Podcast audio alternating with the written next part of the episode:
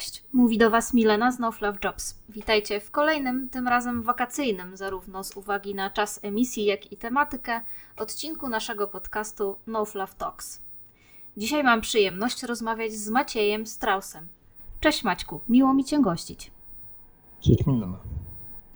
E, Maciej jest przedsiębiorcą z pogranicza turystyki i technologii. Jest analitykiem, inwestorem i członkiem Izby Gospodarczej Hotelarstwa Polskiego. E, jest też pasjonatem mobilności, karawaningu i nomadyzmu. E, a możecie go znaleźć m.in. na Instagramie, gdzie postuje właśnie o tych zjawiskach. Prywatnie Maciek jest podróżnikiem i ulubionym człowiekiem czworonożnego piksela, którego serdecznie pozdrawiamy i drapiemy za uszkiem w tym, e, w tym momencie. Okej, okay, no ale najważniejsze są dla nas dzisiaj właśnie te Twoje pasje, które, które wcześniej wspomniałam, czyli mobilność, karawaning, nomadyzm. Powiedz proszę, skąd u Ciebie to zamiłowanie do mobilności? Y, z potrzeby i z sytuacji, która miała miejsce. I to tak naprawdę wymusiło na mnie życie. I ja się chciałem w tych tematach lepiej zorganizować. Zauważyłem też, jakie zmiany y, idą i jakie się wytworzyły. To nie mówimy tylko o okresie pandemicznym, ale wcześniejszym. E, jeżeli się zatrudnia ludzi i widzi się, jak zmieniają się kolejne osoby przychodzące do pracy, to zaczynasz się zastanawiać, jak ten twój biznes odnajdzie się w perspektywie kilku następnych lat, jak zorganizować firmę, albo czy ta praca, którą będziesz wykonywał i prowadził to mikroprzedsiębiorstwo jedno czy drugie, e, spowoduje, że będziesz mógł mieć przy tym fajne życie. I ja się zacząłem zastanawiać, jak to z tą mobilnością, tym przemieszczaniem się i zorganizowaniem różnych sfer życiowych tak naprawdę wygląda? I to jest jeden taki duży wątek. Natomiast e, taki wcześniejszy, to wydaje mi się, że wszystko się wzięło z harcerstwa. E, ja 16 lat spędziłem w tej organizacji, no więc wszyscy mamy takie skojarzenia z harcerstwem, że to są osoby, które albo wędrują, albo budują obozowiska, albo mieszkają w namiotach, albo pracują społecznie. E, I tam bardzo dużo się przemieszczaliśmy. Ja musiałem się non-stop organizować, więc dla mnie to jest pewien taki no, pewna norma, która mi funkcjonuje już od czasów młodości, a później zacząłem musieć organizować tą mobilność, bo byłem odpowiedzialny też za swoje grupy w harcerstwie. No więc tak można powiedzieć, że ja dojrzewałem, a ta mm, mobilność, przemieszczanie się no, wraz ze mną i jestem tu, gdzie jestem. Okej, okay, czyli to jest e, wynik ewolucji tak naprawdę u ciebie, a nie jakiejś rewolucji, e, bo wiemy, że... Albo przypadku, wiesz, albo przypadku, że życie mm, dostarczało mi takich sytuacji, że ja się dostosowywałem, tak? To nie było tak, jak dzisiaj widzimy, że niektórzy budzą się rano i myślą, dobrze, chcę zmienić pracę, chcę zmienić swoje życie, coś mi nie odpowiada. Ja wrosłem w tego typu tryb funkcjonowania, pomimo że robię wiele rzeczy, które są mocno stacjonarne i mocno nieinternetowe, ale e, faktycznie dla mnie jest to coś naturalnego. Okej, okay. właśnie tak. Do tego chciałam nawiązać, że coraz więcej jest takich sytuacji, gdzie mm, osoby pracujące szczególnie w IT, bo to jest chyba sektor o takiej największej elastyczności w organizacji czasu i miejsca pracy w tej chwili, te osoby często właśnie podejmują taką decyzję: OK, ja niekoniecznie chcę być statyczny czy statyczna, e, chcę skorzystać z tego, że tę elastyczność mam e, i po prostu zmieniam swoje życie o 180 stopni, sprzedaję mieszkanie czy rezygnuję z wynajmowanego mieszkania i ruszam w podróż. E, rozmawiamy o tym nie bez powodu, bo w No Fluff Jobs wydaliśmy właśnie raport na temat mobilności osób pracujących w sektorze IT e, razem z naszym partnerem głównym Affirm. No i mm, zdecydowaliśmy się na, na przygotowanie badania oraz raport, dlatego że w ostatnich latach, szczególnie właśnie, tak jak też już Maćku wspomniałeś, od czasu pandemii, kiedy praca zdalna stała się standardem, znacząco wzrosła liczba osób, które pracują jednocześnie podróżując. E, I spytaliśmy właśnie tych tech podróżników, e, jak ładnie sobie to nazwaliśmy w raporcie, jakie są powody i co ich motywuje do, e, do takiego trybu życia i pracy. Mm, no i najczęściej wskazywaną odpowiedzią było to, że zależy im na większej elastyczności czasu i miejsca pracy, czyli nie muszą być przywiązani do jednego biurka, do swojego gabinetu, do gabinetu firmy, tak? I dzięki temu mogą bardziej doświadczać. I to jest też jeden z takich wniosków w naszym raporcie, że liczą się bardziej doświadczenia niż materialne e, dobra. E, coraz bardziej dla, dla osób właśnie pracujących w IT i nie tylko. E, a drugim najczęściej wskazywanym powodem była po prostu pasja do podróży. Więc to gdzieś tam się e, łączy i pracodawcy, widząc tę potrzebę elastyczności i spełniania się poza pracą, umożliwiają właśnie taki, taki tryb pracy. To wiesz co, jeśli mogę powiedzieć, bo ty powiedziałaś o o tym raporcie, który e, też miałem przyjemność e, e, brać trochę w tym udział. Muszę powiedzieć, że mnie ten temat też kolejny raz zaciekawił. Natomiast to, jak myślałem o naszej rozmowie, to pomyślałem, że rozszerzmy jedną ważną kwestię. IT przechodzi tak duże zmiany, że dzisiaj również takie osoby, które zajmują się marketingiem, marketing, marketingiem online, one też są częścią IT. To jest jedna grupa, którą warto powiedzieć, jeśli ktoś nas słucha. I jeszcze jest jedna e, grupa, z którą ja dość często pracuję. To jest e, grupa tak zwanego wsparcia obsługi klienta.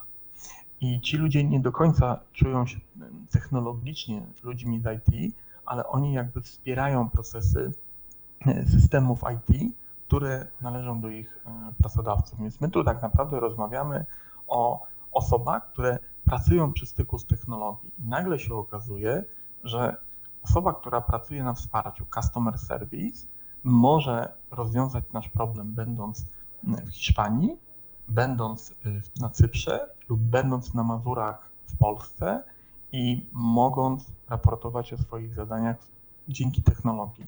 Natomiast pracują zadaniowo. I to rzeczywiście przez ostatni okres czasu po prostu przyspieszyło, bo też trzeba sobie powiedzieć, że praca zdalna nie jest niczym nowym, ona po prostu nabrała bardzo dużego rozkwitu i ten raport, o którym ty mówisz, on pokazuje, na jakim obecnie to jest etapie w pewnej grupie ludzi przebadanych. No i to jest rzeczywiście ciekawe, bo to daje pewne pomysły, czy ta grupa będzie przybywać, y, jak będą musiały się zmieniać firmy, bo to na przykład była jedna z moich motywacji, żeby bardzo mocno się zainteresować tym mm, tematem, bo mam przed sobą wyzwanie pozyskiwania lub utrzymania zespołu, który jest hybrydowy lub który jest fizyczny, żeby każdy z tych członków zespołu e, czuł pewną więź, wspólne cele, dobre relacje i jeszcze zadbać w jakiś sposób o benefity pracownicze. Więc mamy bardzo ciekawe e, środowisko, e, które nam się tworzy. E, tak jest, udział tych ofert, które dopuszczają zdalny tryb pracy, jest na fali wzrostu. Ale teraz chciałabym jeszcze wrócić do Ciebie. E, czy mógłbyś nam opowiedzieć, jak się przejawia właśnie w Twoim życiu zawodowym, ale też i prywatnym e, to, to zamiłowanie do mobilności? Jakieś przykłady? Mm, u mnie się przejawia tym, że z punktu widzenia projektów, w których uczestniczę, muszę dobrze organizować środowisko pracy. Jeżeli ktoś y, tutaj ze słuchających zastanawia się nad tym, jak to jest, albo że bardzo by tego chciał, to ja polecam przede wszystkim zastanowić się nad tym, jakie mamy umiejętności związane z organizacją swojej przestrzeni. Bo jeżeli będziemy pracować zdalnie, jeżeli będziemy chcieli przerodzić nasze plany i marzenia podróżnicze w praktykę, to za chwilę zderzymy się ze wszystkimi rzeczami, które na co dzień mamy zorganizowane lub pewne. I to jest taka rzecz, która mm, z tego, co rozmawiam e, z ludźmi, którzy już są od dwóch, trzech lat lub pięciu lat na pracy zdalnej, ale tych, którzy zaczęli, że oni jak sobie o tym myśleli, czytali różne właśnie artykuły, obserwowali różne osoby, to tam im zabrakło takich treści związanych, no dobrze, no ale mm, jak te pierwsze kilka miesięcy może wyglądać, co będzie trzeba zorganizować. No i mm, to jest bardzo ważne, żeby przede wszystkim zabezpieczyć podstawowe swoje potrzeby, e, dostęp do pewnych możliwości. Ja nie mówię tu o narzędziach pracy, nie mówię tu o internecie, ale na przykład pomyślmy sobie o kwestii służby zdrowia. To, to jest bardzo ważne. O ubezpieczeniu społecznym.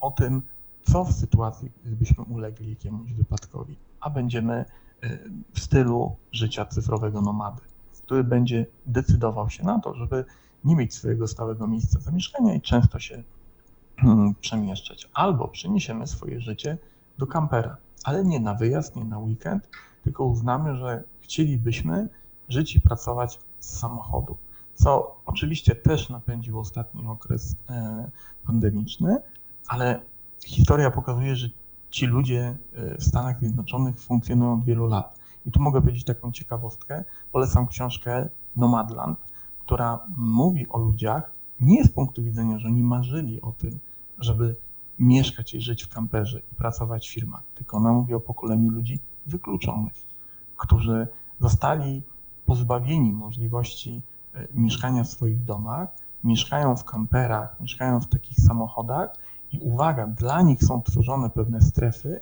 w dużych zakładach pracy i oni między tymi zakładami przemieszczają się, mieszkają pod tymi zakładami, żeby móc w jakiś sposób funkcjonować.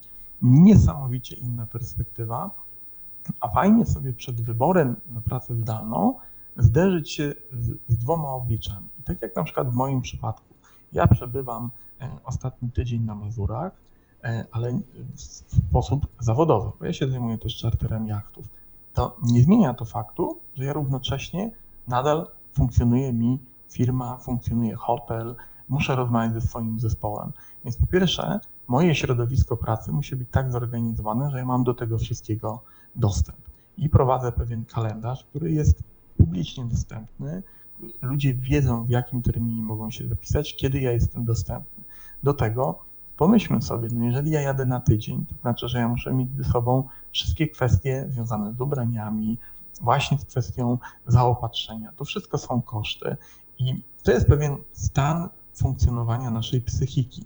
No bo teraz wyobraźmy sobie, że nawet Ciebie, Milena, wzięlibyśmy na takie um, życie w podróży i powiedzielibyśmy Ci, że przez następne pół roku Ty de facto co dwa tygodnie nie będziesz wiedziała, gdzie się zatrzymasz, nie będziesz wiedziała, czy tam jest woda pitna, czy tam um, będziesz miała możliwość spełnienia y, na przykład takiej potrzeby jak prania, no i teraz sobie wyobraź, że dzisiaj wrzucasz do pralki, to się pierze, wyciągasz, masz z głowy. A teraz jedziesz sobie gdzieś, wynajmujesz mieszkanie, które nie ma pralki i stajesz przed zaspokojeniem podstawowych potrzeb. To się wydaje może mało trendy to, co ja mówię, ale e, to są takie rzeczy, których nie czytamy e, w związku z, z pracą w branży IT, nawet z relokacją, e, tylko osoby, które się zajmują relokacją, to widzę, że część kandydatów jest bardzo tego świadoma i na etapie procesu rekrutacji, czytania ogłoszeń, oni zwracają uwagę na to, co to nowe miejsce lub ta firma może im e, zapewnić i jaki będzie standard tej pracy zdalnej, hybrydowej lub ciągłego przemieszczania się.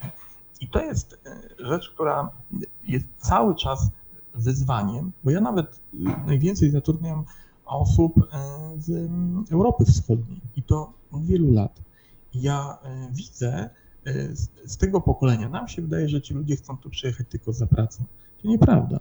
Oni potrafią tutaj napędzać naszą gospodarkę, tylko my musimy mm, być na nich gotowi. I ostatnie zdarzenia wojenne pokazały, jaki jest potencjał w osobach, które się do nas musiały, oczywiście musiały e, przemieścić. Więc z mojego punktu widzenia największym wyzwaniem jest to, żeby mieć mentalną gotowość do tego, żeby na nowo zorganizować pewne procesy, które dzisiaj są dla nas powszednie. I to jest jedna z największych barier, która powoduje, że znane bezpieczne jest lepsze od tego, co będzie niewiadome. Dodam jeszcze, że mamy osoby w przestrzeni publicznej, które podróżują, ciągle się przemieszczają od dobrych dwóch, trzech lat i mówią, że źle się mają, z punktu widzenia swojej psychiki. Dlaczego? Dlatego, że nie spodziewały się, że właśnie pewne rzeczy zadziałają na nich negatywnie.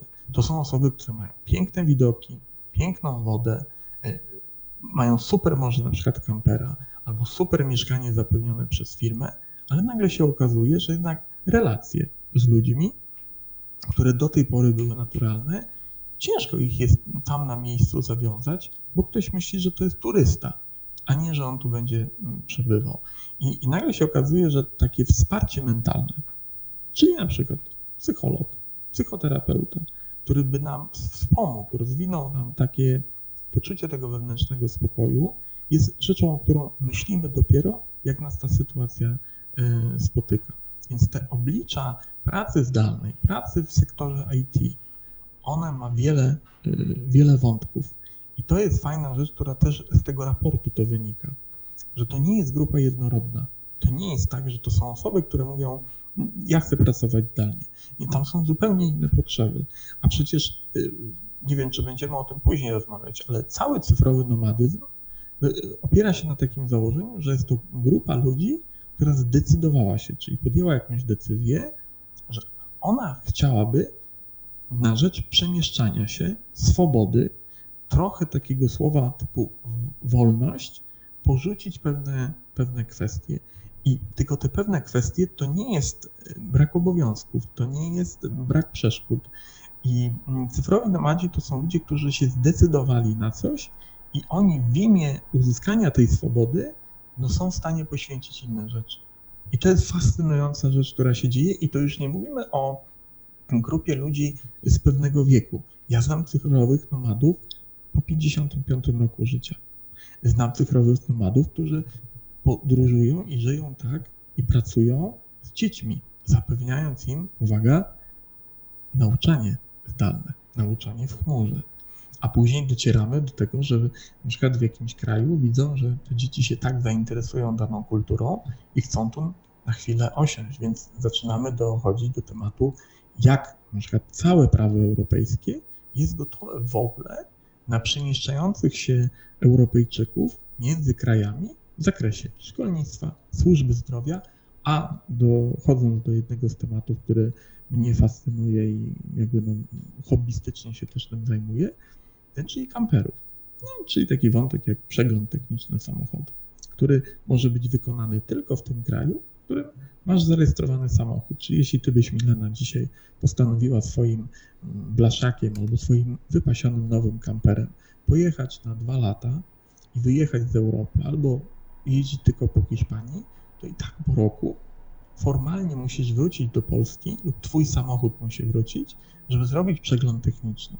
No i przepisy jakby nie nadążają nad zmieniającym się e, rynkiem, więc wracając do Twojego pierwszego pytania, no ja zacząłem to wszystko analizować, bo chciałem wiedzieć, czy dla mnie to będzie perspektywa większych szans jako dla firmy, czy ja mogę pozyskać większą grupę pracowników, która na przykład już dawno nie jest w Polsce, tylko oni mieszkają w Hiszpanii i będą ze mną współpracować, bo mają takie kompetencje.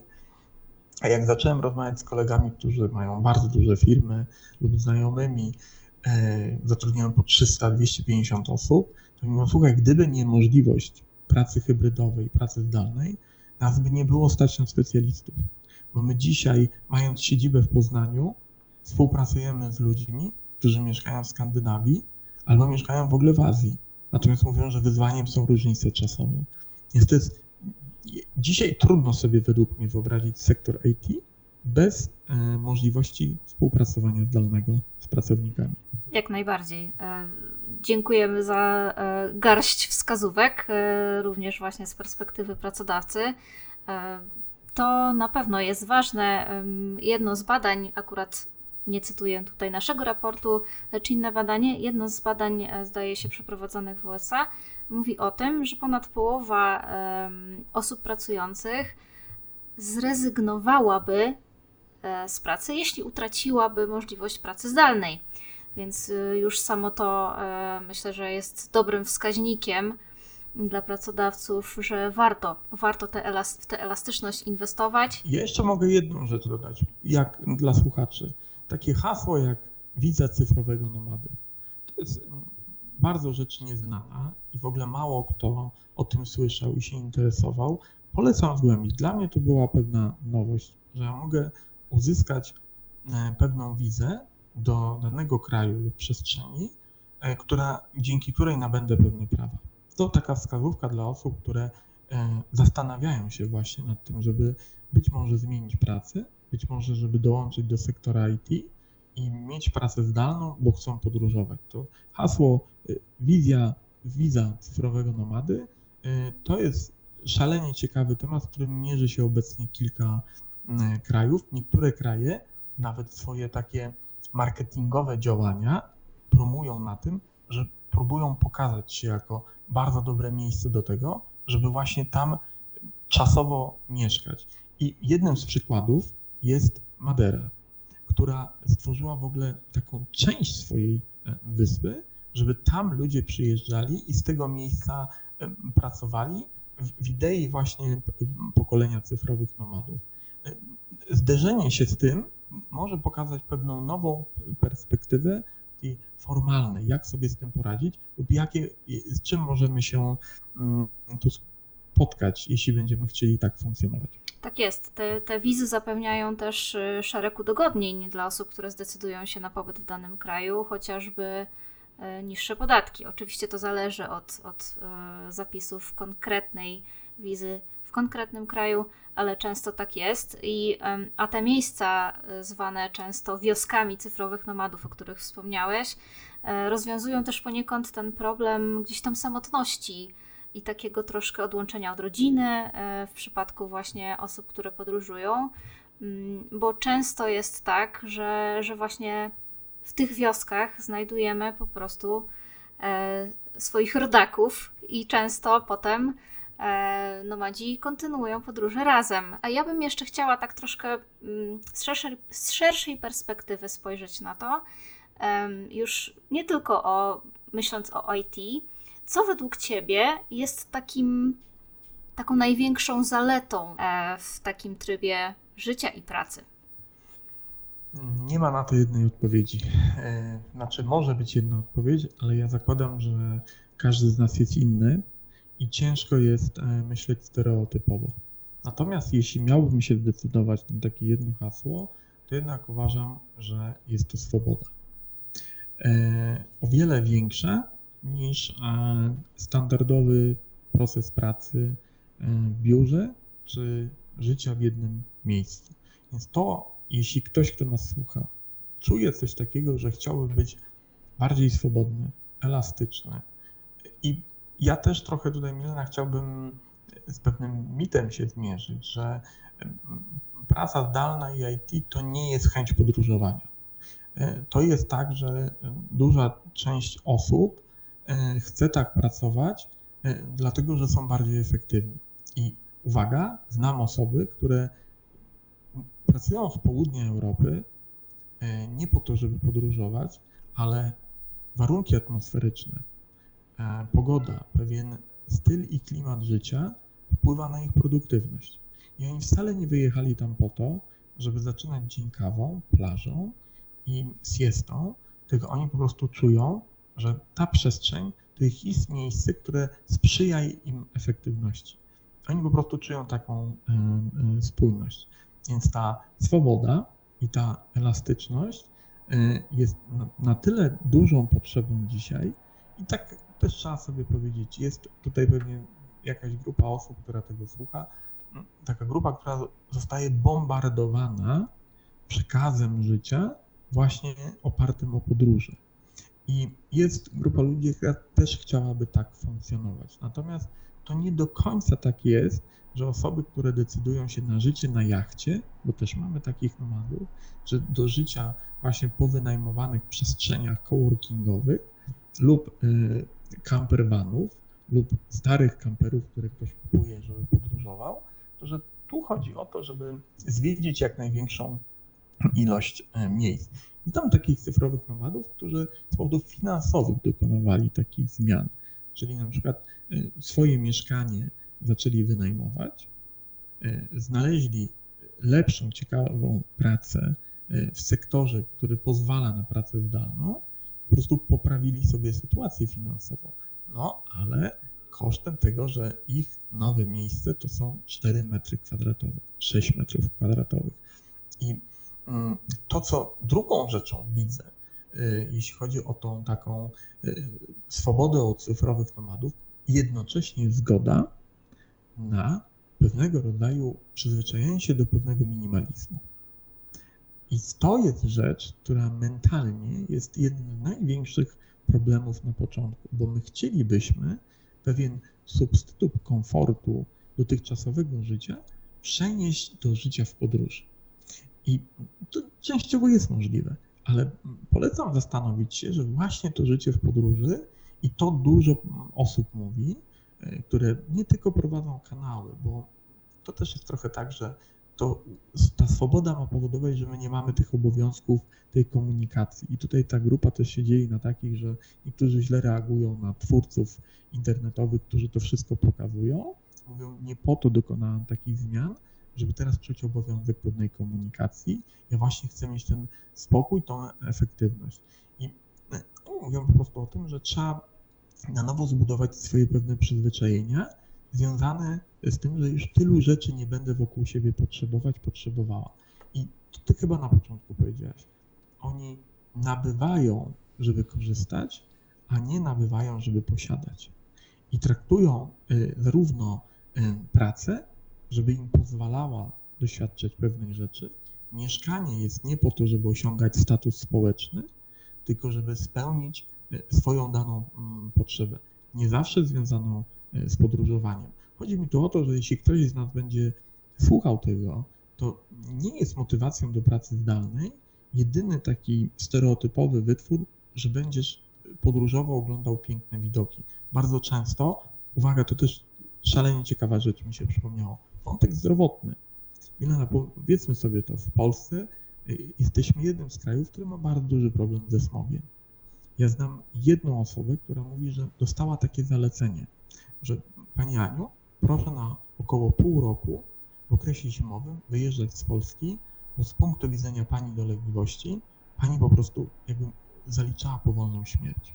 Więc widzisz, są osoby, które powinny wybrać ten tryb życia i pracę zdalną z konieczności, a nie tylko z chęci y, fantastycznego życia. Tak jest. Tutaj też mogę nawiązać do wyników raportu. Zapytaliśmy respondentów i respondentki, co jest najważniejsze przy wyborze jakby kolejnego miejsca pobytu. No i tutaj zapominając o kwestiach typu szybkie łącze internetowe, które jest potrzebne do pracy, tak? Na drugim miejscu jest właśnie klimat i pogoda, e, a na trzecim koszty życia. E, więc e, to są też bardzo ważne kwestie na pewno. E, ok, a ja bym jeszcze chciała wrócić na chwilę do produktywności, bo z naszych badań wynika, że osoby, które nie są w podróży, pracują po prostu dłużej. Natomiast osoby podróżujące też średnio pracują w większości 8 godzin, ale większa grupa pracuje od 5 do 6 godzin. Więc mamy tutaj różnicę w długości pracy, mm, ale czy to się przekłada na produktywność z, z Twojego punktu widzenia? Bo nie zawsze jest tak, że dłuższa praca to lepsza produktywność, tak? I lepsze, efekty. Musielibyśmy sobie na początku odpowiedzieć, na ile mm, to, co my mm, mówimy i przekazują nam pracownicy, jest deklaratywne, na ile jest faktyczne. E, to taka gwiazdka w tym wszystkim, co będziemy mówić. W, w raporcie e, wychodzi nam coś takiego, że to przemieszczanie się jest na tyle dużą motywacją e, do tego, żeby zajmować się tą pracą krócej. Ja tak bym to zinterpretował. Nie do końca wydaje mi się, że to e, te, te, te, pytania mówią nam o produktywności, one mówią o chyba motywacji do tego, żeby wykonywać swoje obowiązki po prostu krócej czy szybciej. Jak jest z ich efektywnością, jak jest z ich dokładnością, moje doświadczenia, pracuję z kilkoma zespołami zdalnie i hybrydowo, to niestety znowu muszę odpowiedzieć jak psycholog, to zależy od dojrzałości danej osoby, doświadczenia, ale uwaga, tu się ucieszycie, środowiska pracy. Czyli wracamy do tego, jak dana firma ma zorganizowane zdalne środowisko pracy. Jeśli nas słuchają e, kandydaci lub osoby, które będą starać się o pracę, to zapytajcie na rozmowie rekrutacyjnej, e, jak tam pytają was, czy pani, pan ma jakieś pytania. Zapytajcie, jak wygląda środowisko pracy zdalnej. No i może się okazać, że będzie cisza. A może się okazać tak, że firma powie, korzystamy z tego, mamy to, organizujemy to tak, tu pani ma takie korzyści i już będziecie wiedzieć, czy to wam będzie sprzyjać, czy nie. Bo mi na nas, za produktywność pracownika, czy tego hybrydowego, zdalnego, y, odpowiada również pracodawca, również firma, czyli jakie ci daje narzędzia. I widzisz, to co u mnie spowodowało taką chęć y, rozumienia tego, co się dzieje, ja sobie pomyślałem, że fajnie było, gdybym ja kumał po prostu to, co się dzieje na tym rynku, żeby mieć tych ludzi bardziej efektywnych, produktywnych. Więc zauważyłem, że im lepsze narzędzia pracy daję do pracy zdalnej, do zadań, czyli jak planuję komunikację, jak przydzielam zadanie, ile dziennie kontaktu będziemy mieli, tak? O jakie godziny, czyli takie podstawowe, dobre zasady zarządzania e, firmą, zarządzania zespołami, to się też sprawdzają. Tylko jak to zorganizować w środowisku mm, cyfrowym? To jest wyzwanie i tu jesteśmy bombardowani milionem rozwiązań i aplikacji, które niosą rozwiązania. Trochę tak, tylko trzeba umieć to też wdrożyć. Mm, więc wracając do całej, mm, całego Twojego takiego pytania o tą produktywność, to ja znam wiele przypadków i również ja jestem takim przypadkiem, że y, mam podzielone dni tygodnia na bloki. I jeśli ja wiem, że w danym bloku wykonuję pracę zdalnie i nie przychodzi do mnie kilka osób, ani nie dzwoni, czyli zasada, co robić z powiadomieniami innymi, ja robię tak, jakbym robił dwa dni, będąc zdalnie w firmie bo po prostu skupiam się na zadaniach. Jak słucham pewnych rozmów różnych przedsiębiorców, tych takich z pierwszych stron gazet i tych e, takich, którzy mają startupy, widzę pewne e, czynniki wspólne.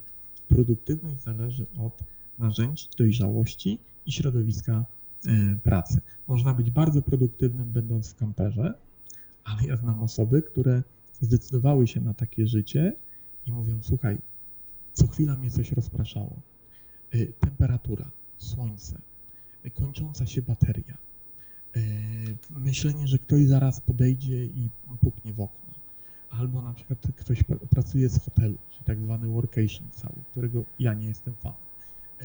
Nagle widzę ludzi, którzy w godzinach, w których ja pracuję, oni generalnie tańczą, bawią się, są na plaży albo są w mieście.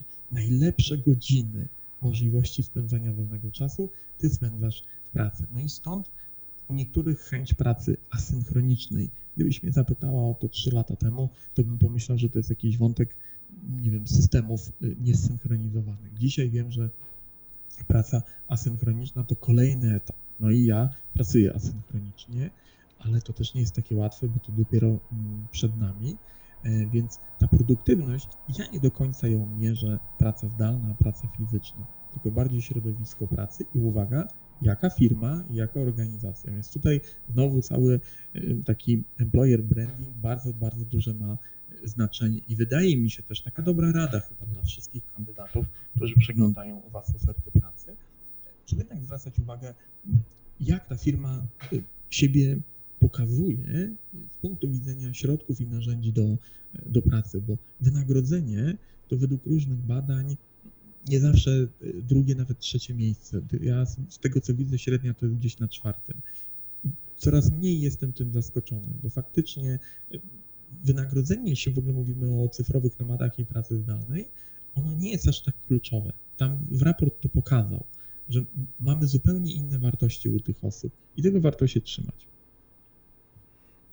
Tak jest. Jeszcze nawiązując też do pracy asynchronicznej i tego, jak pracują czy nomadzi, i nomadki, czy też osoby, które są na workation, to to pytanie również zadaliśmy w raporcie mm, i wyniki są ciekawe, bo e, jeżeli chodzi o nomadów i nomadki, to ponad połowa decyduje sama o swoich godzinach pracy, czyli właśnie tak można powiedzieć, że jest to praca asynchroniczna, tak?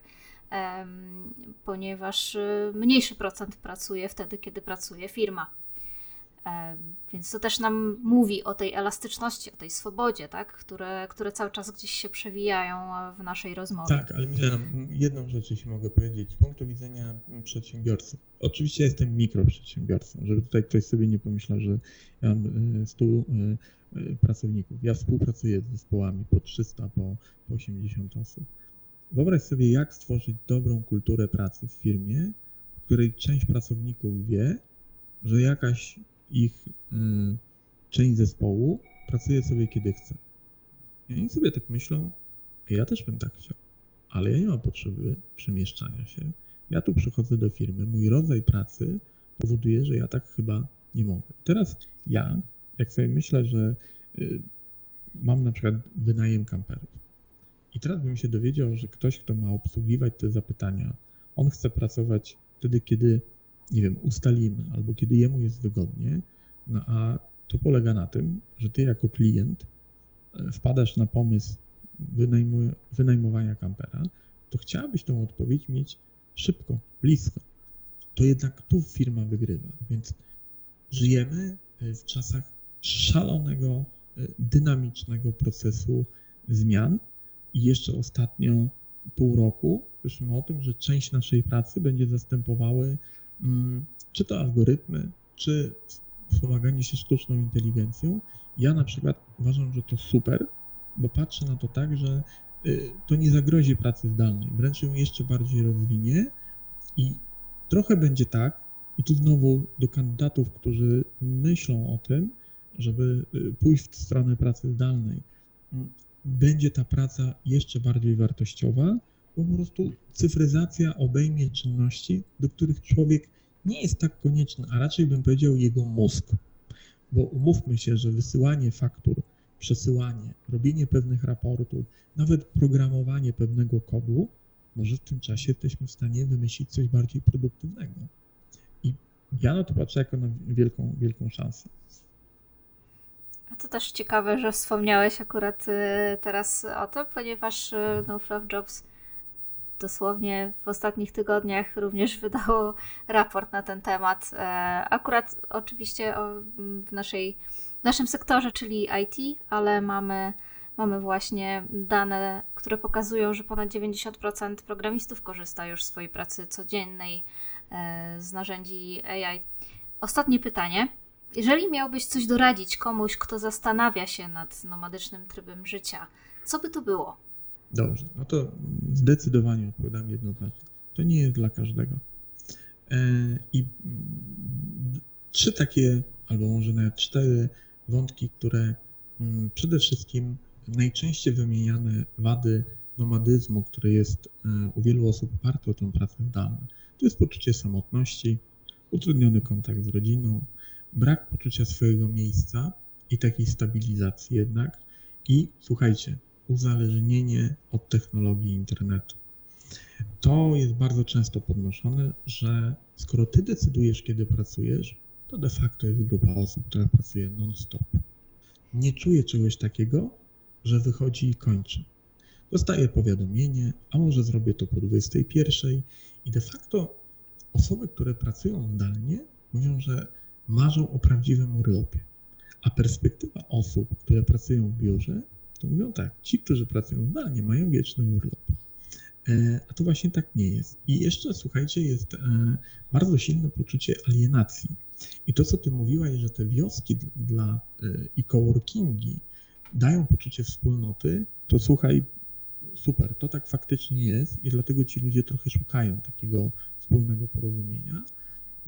No i na końcu jest taka kwestia, na którą warto zwrócić uwagę i się zastanowić, na ile dobrze funkcjonujemy bez naszych bliskich. Nie tylko rodziny, ale wieloletnich e, e, relacji.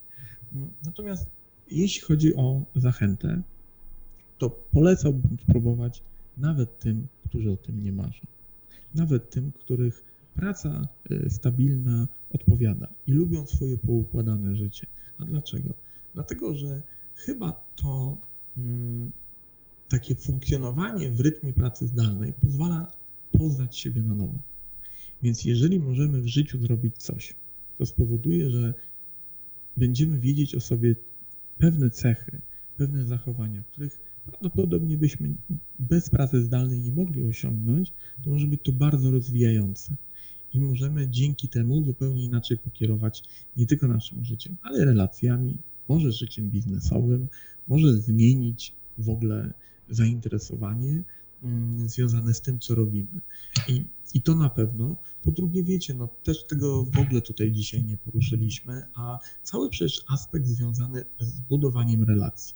No jeżeli to by się Milena wybrała na y, takie przemieszczanie się chociaż przez trzy kraje, no jednak duża szansa jest, że y, poznasz pewne osoby, z którymi dzisiaj w dobie wszystkich y, platform społecznościowych, LinkedInów i innych, można fajnie gdzieś tam mieć relacje i później się okazuje, że te osoby na nas patrzą, na nas zerkają i dzięki temu mamy jakieś wspólne tematy i możemy pracować, uwaga, w zespołach wielonarodowych.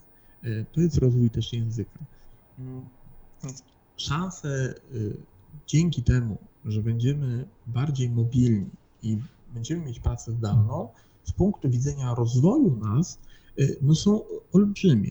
Tylko warto, warto przede wszystkim zastanowić się i wiedzieć, kim my jesteśmy, co na nas dobrze wpływa, czyli mieć taki dobrze przepracowany swój profil i wydaje mi się, że to, że przez ostatnie lata rośnie jeszcze bardziej chyba zrozumienie, ale też popularność wszystkich testów, Galupa, wszystkich metod Frisa, które mówią o naszym temperamencie, o naszej pewnej e, zdolności do pewnych kwestii, właśnie próbują odpowiedzieć na to pytanie, czy my siebie właściwie rozpoznajemy do tej pracy, którą wykonujemy.